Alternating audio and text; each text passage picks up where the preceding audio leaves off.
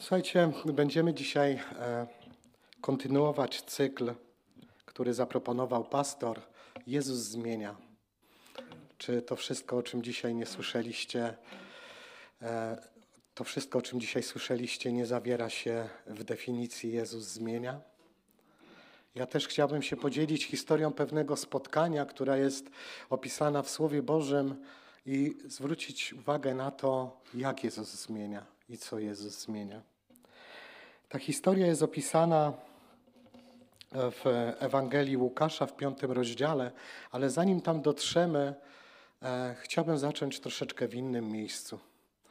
E, chciałbym zacząć niejako od końca, mimo że to ponoć niepoprawnie i niepolitycznie. Ale chciałbym zacząć od historii, która jest opisana w Ewangelii Mateusza w szesnastym rozdziale, gdzie od wersetu 13 mowa jest o tym, że Jezus, który przyszedł w okolice Cezarei e, Filipowej, pytał uczniów swoich, mówiąc: Za kogo ludzie uważają syna człowieczego? E, wiecie, myślę, że to nie było meritum pytania, które zadał Jezus. Myślę, że to nie było sednem tego, o co chciał zapytać swoich uczniów. Wiecie, tam padają różne odpowiedzi, tak? E, zapewne znając ten fragment, e, pamiętacie, oni odpowiadają. Jedni rzekli, że za Jana Chrzciciela, inni za Eliasza, jeszcze inni za Jeremiasza albo za jednego z proroków. I pada, wydaje mi się, sedno tego pytania. Jezus przechodzi do meritum, bo pyta w wersecie 15, A on im mówi: A wy za kogo mnie uważacie? Wy za kogo mnie uważacie? Nie interesuje mnie to, co słyszeliście na mój temat. Nie interesuje mnie to, co myślą inni, co przeczytaliście, co Paweł, nawet mówiąc, słyszał o Bogu. Nie, on musiał zmierzyć się z pytaniem, kim dla niego jest Bóg. Nie, co o nim myślą inni. Chciałbym, żeby to pytanie Wam towarzyszyło dzisiaj przez ten cały czas dzielenia się słowem, ponieważ wrócimy do niego. Wiecie, e, w wersecie 16, któż inny jak nie Szymon Piotr? No bo któż był taki wyrywny, któż był taki pierwszy, chętny do rzucania odpowiedzi i on odpowiada, Tyś jest Chrystus, Syn Boga żywego. Pytanie, czy miał prawo to powiedzieć? Czy miał moralne prawo odpowiedzieć w ten sposób? Czy tak naprawdę wiedział, co mówi? Wiecie, odpowiem Wam, że tak, ponieważ w życiu Piotra nastąpiły wydarzenia, które miały miejsce w Ewangelii Łukasza w rozdziale 5 i do niego przejdziemy. Jest to historia, kiedy Jezus, takie rezime tylko tytułem wprowadzenia, nad jeziorem Genezaret przemawiał do tłumów. I to jest ten moment, kiedy zauważa uczniów, spotyka się z nimi i powołuje ich. W dużym skrócie. Ale wiecie, nie było mi tam dane być, natomiast e, popatrzyłem na zdjęciach, jak to wszystko wygląda. Wyobraźcie sobie, jest jezioro, bardzo duże, otoczone górami. Te góry może nie, nie są jakieś wysokie, ale wiecie, góry mają to do siebie, że i woda jeszcze w tym wszystkim, że wspaniale się po nich niesie echo. Więc to dobre miejsce, żeby przemawiać do ludzi. I słuchajcie, czytamy w tych wersetach, że pewnego razu, gdy on stał nad jeziorem Genezaret, a tłum tłoczył się dookoła niego, by słuchać słowa Bożego. Czyli Widzimy tutaj, że Jezus, słuchajcie, mówi do tłumów. On mówi do mnie i do ciebie. Jest wiele miejsc w Biblii, w których przekonujemy się, że Jezus mówi do różnych grup ludzi. Rozmawiał z uczonymi w piśmie, dużo czasu spędzał ze swoimi uczniami.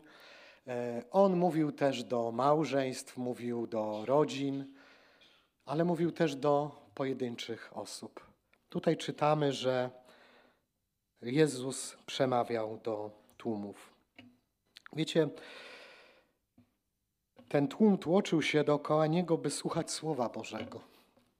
Po ludzku rzecz biorąc, można by sobie pomyśleć, że to była grupa docelowa jego, tak? To był tłum ludzi, grupa ludzi, która przyszła w konkretnym celu.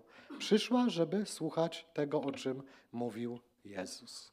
Dobra wiadomość jest taka, że jeżeli tutaj jesteś na tym miejscu, przyszedłeś słuchać Słowa Bożego, to to kazanie będzie dla Ciebie. E, ale wiecie, Jezus mówi do tłumów, natomiast kątem oka dostrzega dwie małe łódki zacumowane przy brzegu. Zaczyna zwracać na nie uwagę.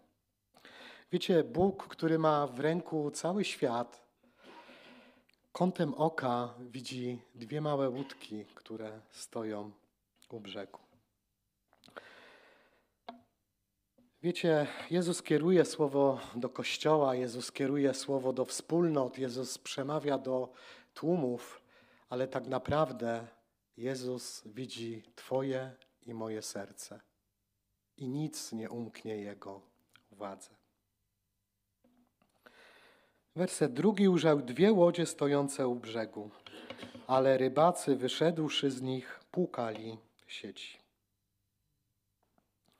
Wiecie, w tej grupie osób, która była tą grupą docelową, tym tłumem, jak wyczytuję w tej historii, okazało się, że byli ludzie, którzy nie byli zainteresowani słuchaniem Bożego Słowa. Z czego wyciągam taki wniosek? No, no, Słowo Boże tutaj jasno, wyraźnie mówi, po prostu wyszedłszy z nich pukali sieci. Czyli wyobraźmy sobie tą sytuację, tę e, historię z jezioro. Rybacy wracają po całej nocy ciężkiej pracy.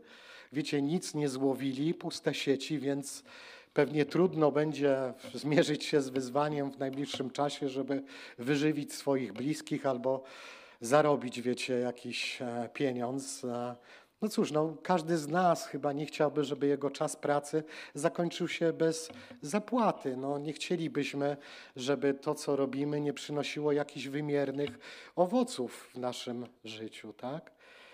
A więc są sobie ludzie, którzy po nocnych zmaganiach, pewnie bardzo sfrustrowani, zaparkowali, że tak się brzydko wyrażę, czy zacumowali swoje łodzie i pukali sieci. Musiało być bardzo frustrujące, wiecie, dość, że nic nie złowili, dość, że zmagali się pewnie z żywiołami, nie wiemy, co tam się podczas tej nocy działo. Pewnie to była ciężka noc, ale wiecie, na koniec dnia jakoś tak się ułożyło, że ten poranek no nie zapowiadał się najlepiej. Dość, że nic nie złowili, to jeszcze trzeba było te sieci wypłukać, wiecie, powybierać wszystkie jakieś patyki, liście, to wszystko, co było niepożądanego, co pewnie się tam złapało w te sieci. W dodatku te sieci trzeba było przygotować jeszcze na kolejny połów, tak? Kolejne wyzwanie. Tak sobie myślę, że wiecie, przejście koło tych ludzi i powiedzenie im dzień dobry, to by była taka potwarz, no, trochę taka ironia, no jaki to dzień dobry, tak? No, no, no co jest dobrego w tym dniu, tak? Tu nic takiego się nie, nie wydarzyło. Wiecie,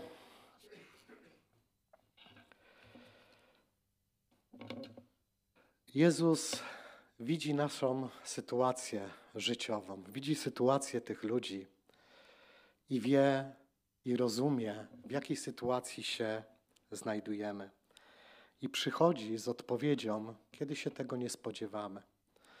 Nie chcę powiedzieć, że Jezus nie przychodzi wtedy, kiedy się go spodziewamy. Nie, to nie jest ta myśl. Nie chcę powiedzieć, że Jezusa nie ma w sytuacji, kiedy się tu gromadzimy, kiedy w domach, w pokoju zamknięci studiujemy Boże Słowo. Nie, tu nie o to chodzi. Jezus widzi nasze zmagania, nasz trud, nasz mozu, to, że coś nam nie wychodzi w życiu, że jesteśmy utrudzeni, jesteśmy zmęczeni, jesteśmy zdenerwowani, sfrustrowani, że coś nam się nie udało, nie wyszło. I wiecie, po ludzku rzecz biorąc, można się zastanawiać, Jezu, to nie lepiej było mówić do tego tłumu, do tej grupy? Przecież tak po ludzku patrząc, osiągnąłbyś lepszy efekt, tak? Masz większą grupę odbiorców. Ale nie, Jezus miał zgoła inne plany. Planował ten poranek spędzić w zgoła innym towarzystwie. Wiecie, on dostrzega kątem oka utrudzonych ludzi, dostrzega ich potrzeby, dostrzega ich frustracje. I wiecie, mimo że są w naszym życiu takie okoliczności, które nie sprzyjają temu, żeby wołać do Boga, to Jezus przychodzi w takiej sytuacji i dostrzega naszą potrzebę. I co robi? Jezus wychodzi tym potrzebom i tym ludziom naprzeciw. Jezus widzi Twój trud, widzi Twoje zmagania, wie, że jesteś człowiekiem niedoskonałym.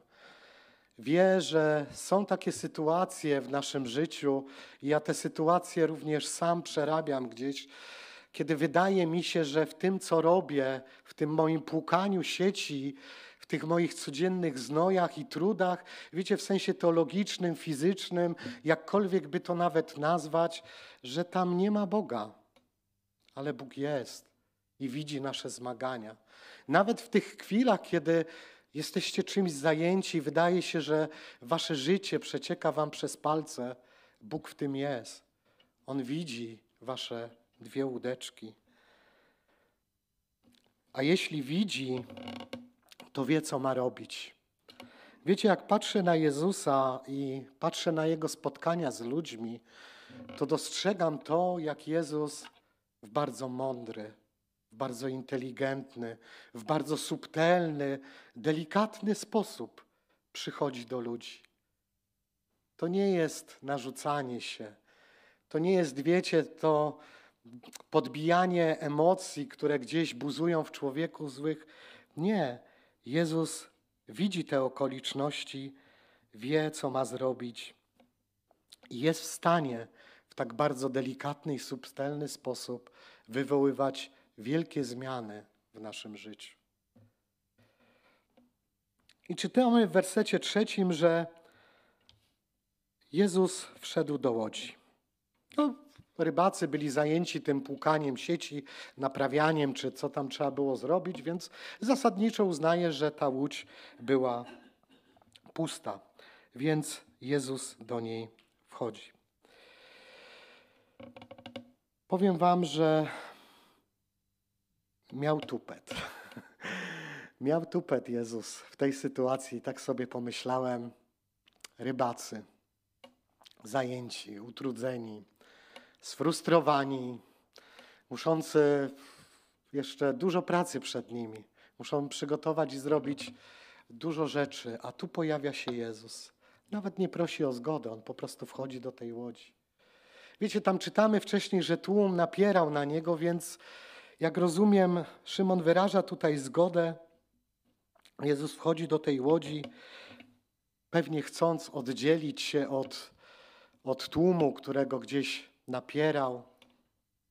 Jezus staje w tej łodzi po to, żeby może być ciut wyżej, ciut dalej troszeczkę od tego tłumu. I wiecie, widzę cały czas, że ci rybacy stoją i przygotowują te sieci. Robią rzeczy, które z perspektywy ludzi, tak się zastanawiam, nie mają sensu. Wiecie, to syzyfowa praca. Jaki ma sens przygotowywać znowu te sieci? Jaki był sens w ogóle wypływać na to jezioro i zarzucać te sieci? To nie przyszło, nie przyniosło żadnego efektu, żadnego skutku. To musi być bardzo frustrujące. To, to musiało być, wiecie, takie bardzo no bardzo nieprzyjemne dla tych ludzi. Nie wydaje Wam się, że czasami ja się z tym zmagam prawie codziennie, że, że robię rzeczy, które wydają mi się nie mieć sensu? Po prostu. Nie widzę w tym sensu, ale wiem, że jest Bóg. I Bóg będzie widział w tym sens i Bóg będzie potrafił wykorzystać tę niepozorną historię, tę niepozorną sytuację, aby coś zmienić. Więc Jezus przychodzi i do ludzi i zwraca się do Szymona. Mówi: Szymonie, ja wiem, że jesteś utrudzony, wiem, że właśnie wróciłeś po ciężkiej nocy, wiem, że jesteś sfrustrowany tym, że nic nie złowiłeś. Wiesz, ale mam do ciebie prośbę. Mam do ciebie prośbę. Werset trzeci, a wszedłszy do jednej z tych łodzi należącej do Szymona, prosił go, aby nieco odjechał od brzegu. I usiadłszy, nauczał rzesze z łodzi. Szymonie, mimo że sytuacja nie sprzyja, mimo że to wszystko, co się wokół ciebie dzieje, wydaje się nie mieć sensu, jesteś zmęczony, a jeszcze dzień przed tobą, a jeszcze musisz się zmierzyć z tą swoją porażką dzisiaj, a jeszcze musisz przygotować się do kolejnego dnia pracy, ale mam jedną małą prośbę, subtelną prośbę. Machnij dwa razy wiosłami, odjedźmy kawałek od tego brzegu. Wiesz, ja, ja tylko oczekuję, ja oczekuję tego wysiłku, tego drobnego wysiłku od Ciebie. Tylko tego. Oddałeś mi kawałek swojej podłogi, oddałeś mi, pozwoliłeś stanąć w swojej łodzi, a ja proszę Cię jeszcze o coś więcej. Wiem, że jesteś zmęczony, ale machnij tam dwa razy wiosłami, żebyśmy od tego brzegu odpłynęli. I wiesz co? Nie przejmuj się mną, ja wrócę do swoich zajęć, nie zawracaj sobie głowy. Wiecie, widzę, że po pierwsze, spotkanie z Bogiem wymaga zawsze pewnego wysiłku z naszej strony. Jezus wie, jaki ten wysiłek trzeba w danej chwili ponieść, ale zawsze to spotkanie, to wyciągnięcie ręki, ta nasza odpowiedź na Boże Słowo wymaga pewnego wysiłku z naszej strony. Tak ta historia się dla Szymona zaczyna. Wiecie, ta myśl, którą chciałbym Was teraz zaszczepić, to zawsze jest jakiś początek. Dla Boga ważna jest ta chwila, ten moment, kiedy reagujesz na Niego, kiedy On przyciąga Twoją uwagę, kiedy prosi Cię, żebyście sobie nawzajem okazali zaufanie, pokazali wiarę i zrobili chociaż drobny krok. Wiecie, mimo że ten dzień wydawał się bezsensowny i pusty, to ja wierzę i ufam, że we wszechświecie i dla Boga nie ma pustki. Zawsze jest jakaś akcja i reakcja. Coś zrobił Szymon, coś zrobił Bóg. Jest Bóg, jest człowiek, jest miłość, jest odpowiedź. Nie ma pustki. Wiecie,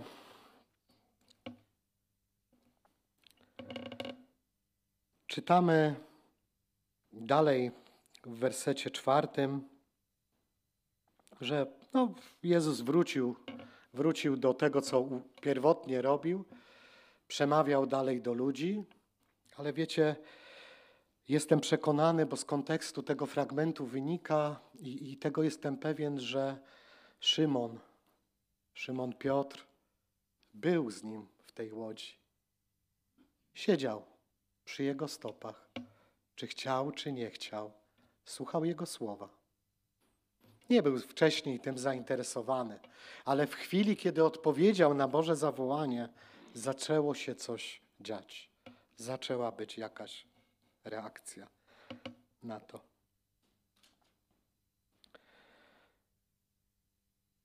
Wiecie, Jezus idzie dalej i mówi: Szymonie, dałeś mi kawałek swojej podłogi, Zrobiłeś pewien wysiłek, machnąłeś tam ze trzy razy wiosłami, odpłynęliśmy od brzegu. Mam dla ciebie wyzwanie. Jest dla ciebie challenge. Słuchaj. W wersecie czwartym, a gdy przestał mówić, rzekł do Szymona: Wyjedź na głębie i zarzuć sieci swoje na połów. Hmm. Jak to? Jezu, to nie wystarczyło ci, że dałem ci łódź? Nie wystarczyło ci, że tam się odseparowałeś od tych tłumów? W dodatku odpłynęliśmy kawałek od brzegu, żebyś miał komfort przemawiania do tych ludzi. Chwila. Czego ty ode mnie oczekujesz? Ja właśnie wróciłem po nieprzepracowanej nocy. Mnóstwo pracy. Ja czego ty ode mnie chcesz? Właśnie te sieci, które przygotowałem sobie na kolejny dzień, po całej nocy charówki i zmagań, właśnie je oczyściłem, właśnie je sobie poskładałem, właśnie je sobie odłożyłem na kolejny połów. Zaraz, co ty powiedziałeś? Mam wypłynąć na głębie? Jezu, jak to? Panie, ty przecież chyba Jezu, ty nawet nie wiesz, jak się łowi ryby. To tak, jakbyś mnie wysłał z kijem, nie wiem, łowić z wędką. Mówi, panie, to, to nie ta pora dnia, to nie ten moment, to nie ten czas. Czego ty ode mnie oczekujesz? Przecież to jest bez sensu. Ja się przygotowałem, odłożyłem swoje sprawy na później. Nie. Jezus mówi teraz. Nie jutro, nie pojutrze. Teraz, Szymonie, rzucam ci wyzwanie. Wiesz, wypłyń ze mną na głębie, ale nie na wycieczkę. Ja oczekuję, że ty te wypłukane, przygotowane sieci rzucisz jeszcze raz. Wiecie, Szymon musiał być nieźle skonfudowany, nieźle się musiał zmieszać. Niezła burza powstała w jego głowie. Mówi, nauczycielu, mistrzu, mówisz ciekawe słowa, mówisz mądre rzeczy, coś to w sobie ma, coś w tym jest. To jest wszystko ciekawe, ale oczekujesz ode mnie rzeczy dziwnych, nieprawdopodobnych. Jesteś dobrym kaznodzieją, jesteś dobrym mówcą, ale nie znasz się na łowieniu ryb. To ja się na tym znam. Ty o tym nie masz pojęcia. Jezu, nie widzisz mojego życia, nie wiesz, z czym się zmagam, nie wiesz, jaki ciężar taszczę z sobą, nie wiesz, jaka kula u nogi ciągnie się za mną przez całe życie. Wiesz, nie znasz mojej pracy, moich znajomych, nie wiesz, co się u mnie w szkole dzieje. Jezu, jesteś nauczycielem, mistrzem, jesteś rabbim, ale ale nie znasz się na łowieniu ryb. To ja się znam. Zobacz, widzisz tłumy ludzi przed sobą, mówisz do nich. Oni przyszli Cię słuchać. Po co ja Ci jestem potrzebny? Do czego Ci jestem potrzebny ja, Piotr, Szymon, przepraszam, będę cały czas się mylił pewnie. Po co Ci potrzebny jestem ja, Szymon, Mały, brudny, zagubiony człowieczek, sfrustrowany. Do czego ja Ci jestem potrzebny? Jezu, nauczycielu, przyszły Cię słuchać tłumy, nie schlebia Ci to? Do czego ja Ci jestem w tym wszystkim potrzebny? Ale wiecie, werset piąty. Ale na Twoje słowo Dlatego, że Ty to mówisz. Dlatego, Jezu, że Ty to powiedziałeś na Twoje słowo, ja co zrobię? Zaryzykuję. Zaryzykuję. Wypłynę na głębie i zarzucę te sieci. Zaryzykuję. Jeżeli oczekujesz zmiany w Twoim życiu, jeżeli chcesz doświadczać Boga, takiego, o którym śpiewaliśmy dzisiaj razem wspólnie, Boga, który przenosi góry, który jest pełen mocy, który ma w ręku cały świat, jest Bogiem potężnym, wszechmocnym, to zaryzykuj. Zaryzykuj. Przyjdzie moment i zaryzykuj. Nie odkładaj swoich sieci na, na lepsze czasy, na jutro. Nie będzie lepszych czasów. Nie będzie lepszych czasów. Jezus mówi teraz. Teraz, w tej chwili, zarzuć te sieci.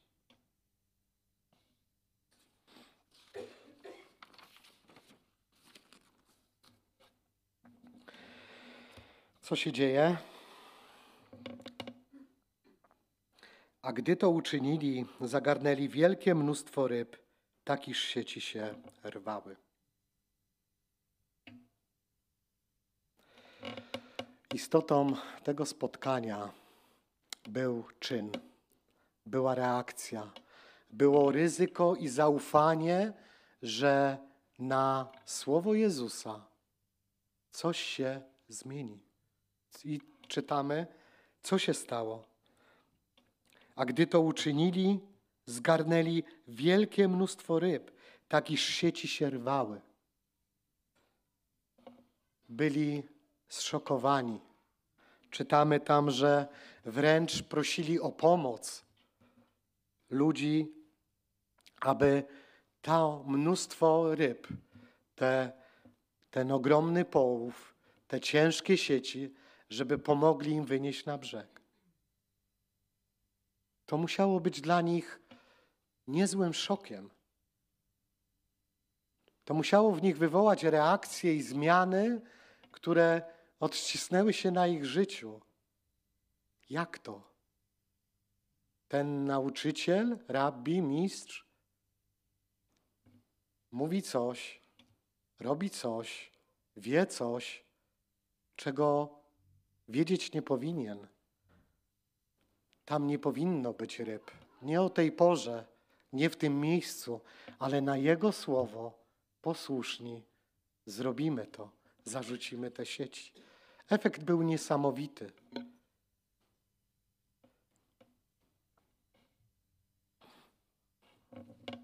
Co się dzieje dalej?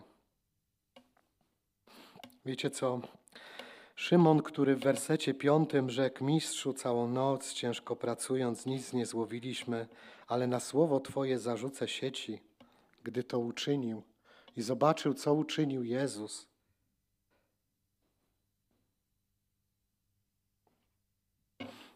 już w wersecie ósmym mówi: To już nie jest mistrz. On się zwraca do niego, panie kilka minut, kilka wydarzeń, to już nie jest w życiu Szymona, Piotra mistrz. To jest ktoś więcej. To jest Pan Panów i Król Królów. On to zobaczył, on to dostrzega.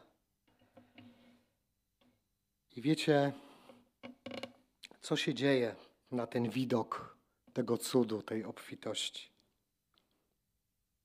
Widząc to, Szymon Piotr przypadł do kolan Jezusa, mówiąc: Panie, odejdź ode mnie, Panie, bom jest człowiek grzeszny.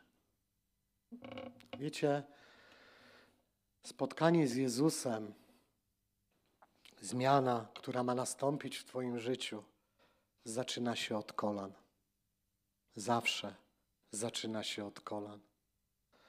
Piotr, spotykając się z Jezusem, przypadając do, niego, do Jego nóg, widzi siebie, człowieka sfrustrowanego, pełnego zniechęcenia, emocji, jakichś złych rzeczy, ciężarów. Widzi i przegląda się w mocy Jezusa. Być może miał świadomość wtedy, że Bóg go widzi takim, jakim jest, ze swoimi niedoskonałościami, ze swoim kombinatorstwem, konszachtami, tym, że coś mu nie wyszło, ze swoimi słabościami. Być może Piotr jest tego bardzo dobrze świadomy. To, że przypada do kolan, świadczyłoby o tym. Jeżeli chcesz doświadczyć Boga łaski, Boga cudów, Boga, który prawdziwie może zmienić Twoje życie, to pierwsze, co musisz zrobić i od czego zacząć, to są kolana. To są kolana. Wiecie, bardzo krótkie świadectwo, kiedy ja się nawróciłem i chodziłem z Bogiem, nie znając dobrze Bożego Słowa, cały czas nie doświadczałem Boga takiego, o jakim słyszałem, o jakim czytałem, o jakim mówili mi inni. Widziałem, że coś tu nie gra, coś jest nie w porządku. I przyszedł taki moment, ja się dzieliłem tym z paroma osobami, kiedy na budowie jeszcze wtedy mojego domu, będąc tam sam, zapragnąłem szczerze i uklęknąłem przed Bogiem. Mówię, Duchu Święty, pokaż mi, za co ja Cię mam przeprosić. Wiecie, ja się wcześniej tak, można powiedzieć, wyspowiadałem trochę jak w kościele powszechnym. Czy wiecie, no Panie Jezu, no tak, zdarzyło mi się, mhm, to, tamto, mhm, okej, okay, tak, zrobiłem. Ale wiecie, ja byłem świadom tak naprawdę, że to nie było to. Ja dopiero w tym momencie mogę powiedzieć, że doświadczyłem mocy Bożej, poznałem, kim jest Bóg. Kiedy to, co pokazał mi Bóg po mojej krótkiej modlitwie, jak pokazał mi grzechy, które już dawno oddaliłem od siebie. Wiecie, zamknąłem sobie w głowę jakąś klapkę, jakiś mechanizm obronny, który powodował, że nawet nie chciałem do tego wracać, bo się tego wstydziłem. Ale powiedziałem: Nie, Boże, ja chcę być przed Tobą autentyczny, prawdziwy i czysty. To był moment, kiedy padłem na kolanach, jak Paweł, nasz brat Paweł. Zalałem się łzami, bo zobaczyłem rzeczy, z których powinienem pokutować. Zdałem sobie sprawę, kiedy się spotkałem z Bogiem w twarzą w twarz, kim ja naprawdę jestem. Okazało się, kim naprawdę jestem.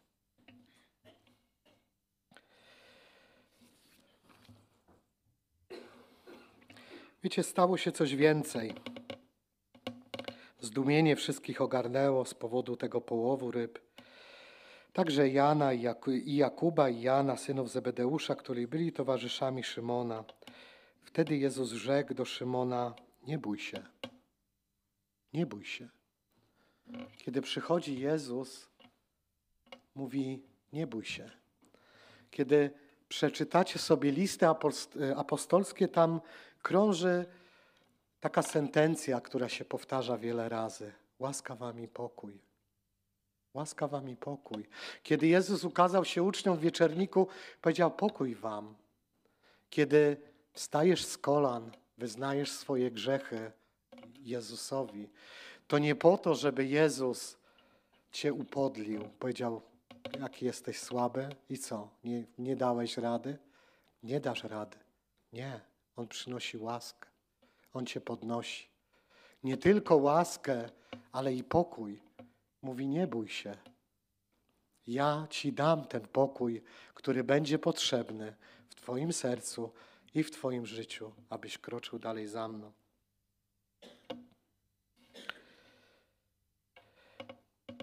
Jaki jest efekt finalny tej historii? Ja ją bardzo mocno skróciłem, uwierzcie mi.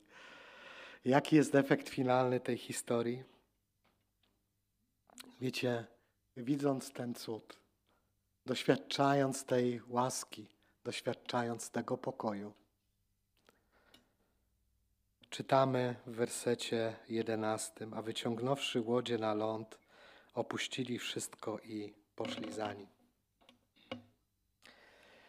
To jest dobra historia, która zaczyna się od niepozornego i nawet można powiedzieć złego poranka, gdzie kilku ludzi stojących gdzieś obok łodzi, zajęty, zajęci swoimi sprawami, niezainteresowani nawet słuchaniem Bożego Słowa, doświadczają, odpowiadając na wezwanie Jezusa, potęgi i mocy.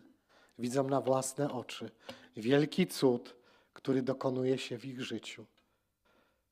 Z nauczyciela Jezus staje się dla nich Panem. Zmienia się coś tak radykalnie i tak bardzo, że oni widzą, że to nie jest tylko nauczyciel, to nie jest tylko rabbi. Czy wracając do historii z początku, Szymon Piotr miał prawo powiedzieć Ty jesteś Chrystus, Syn Boga żywego? Chciałbym Was na koniec zostawić z tym pytaniem, które przerobił Piotr, stwierdzając, że warto zostawić wszystko, warto zostawić wszystko i pójść za nim. Ale to pytanie, które powinno brzmieć w Waszych sercach, to kim dla Ciebie jest Jezus? Nie co mówią inni, nie co mówi brat, siostra, nie co przeczytałeś na internecie. Kim dla Ciebie jest Jezus? Niech Bóg będzie uwielbiony w tym słowie. Powstańmy.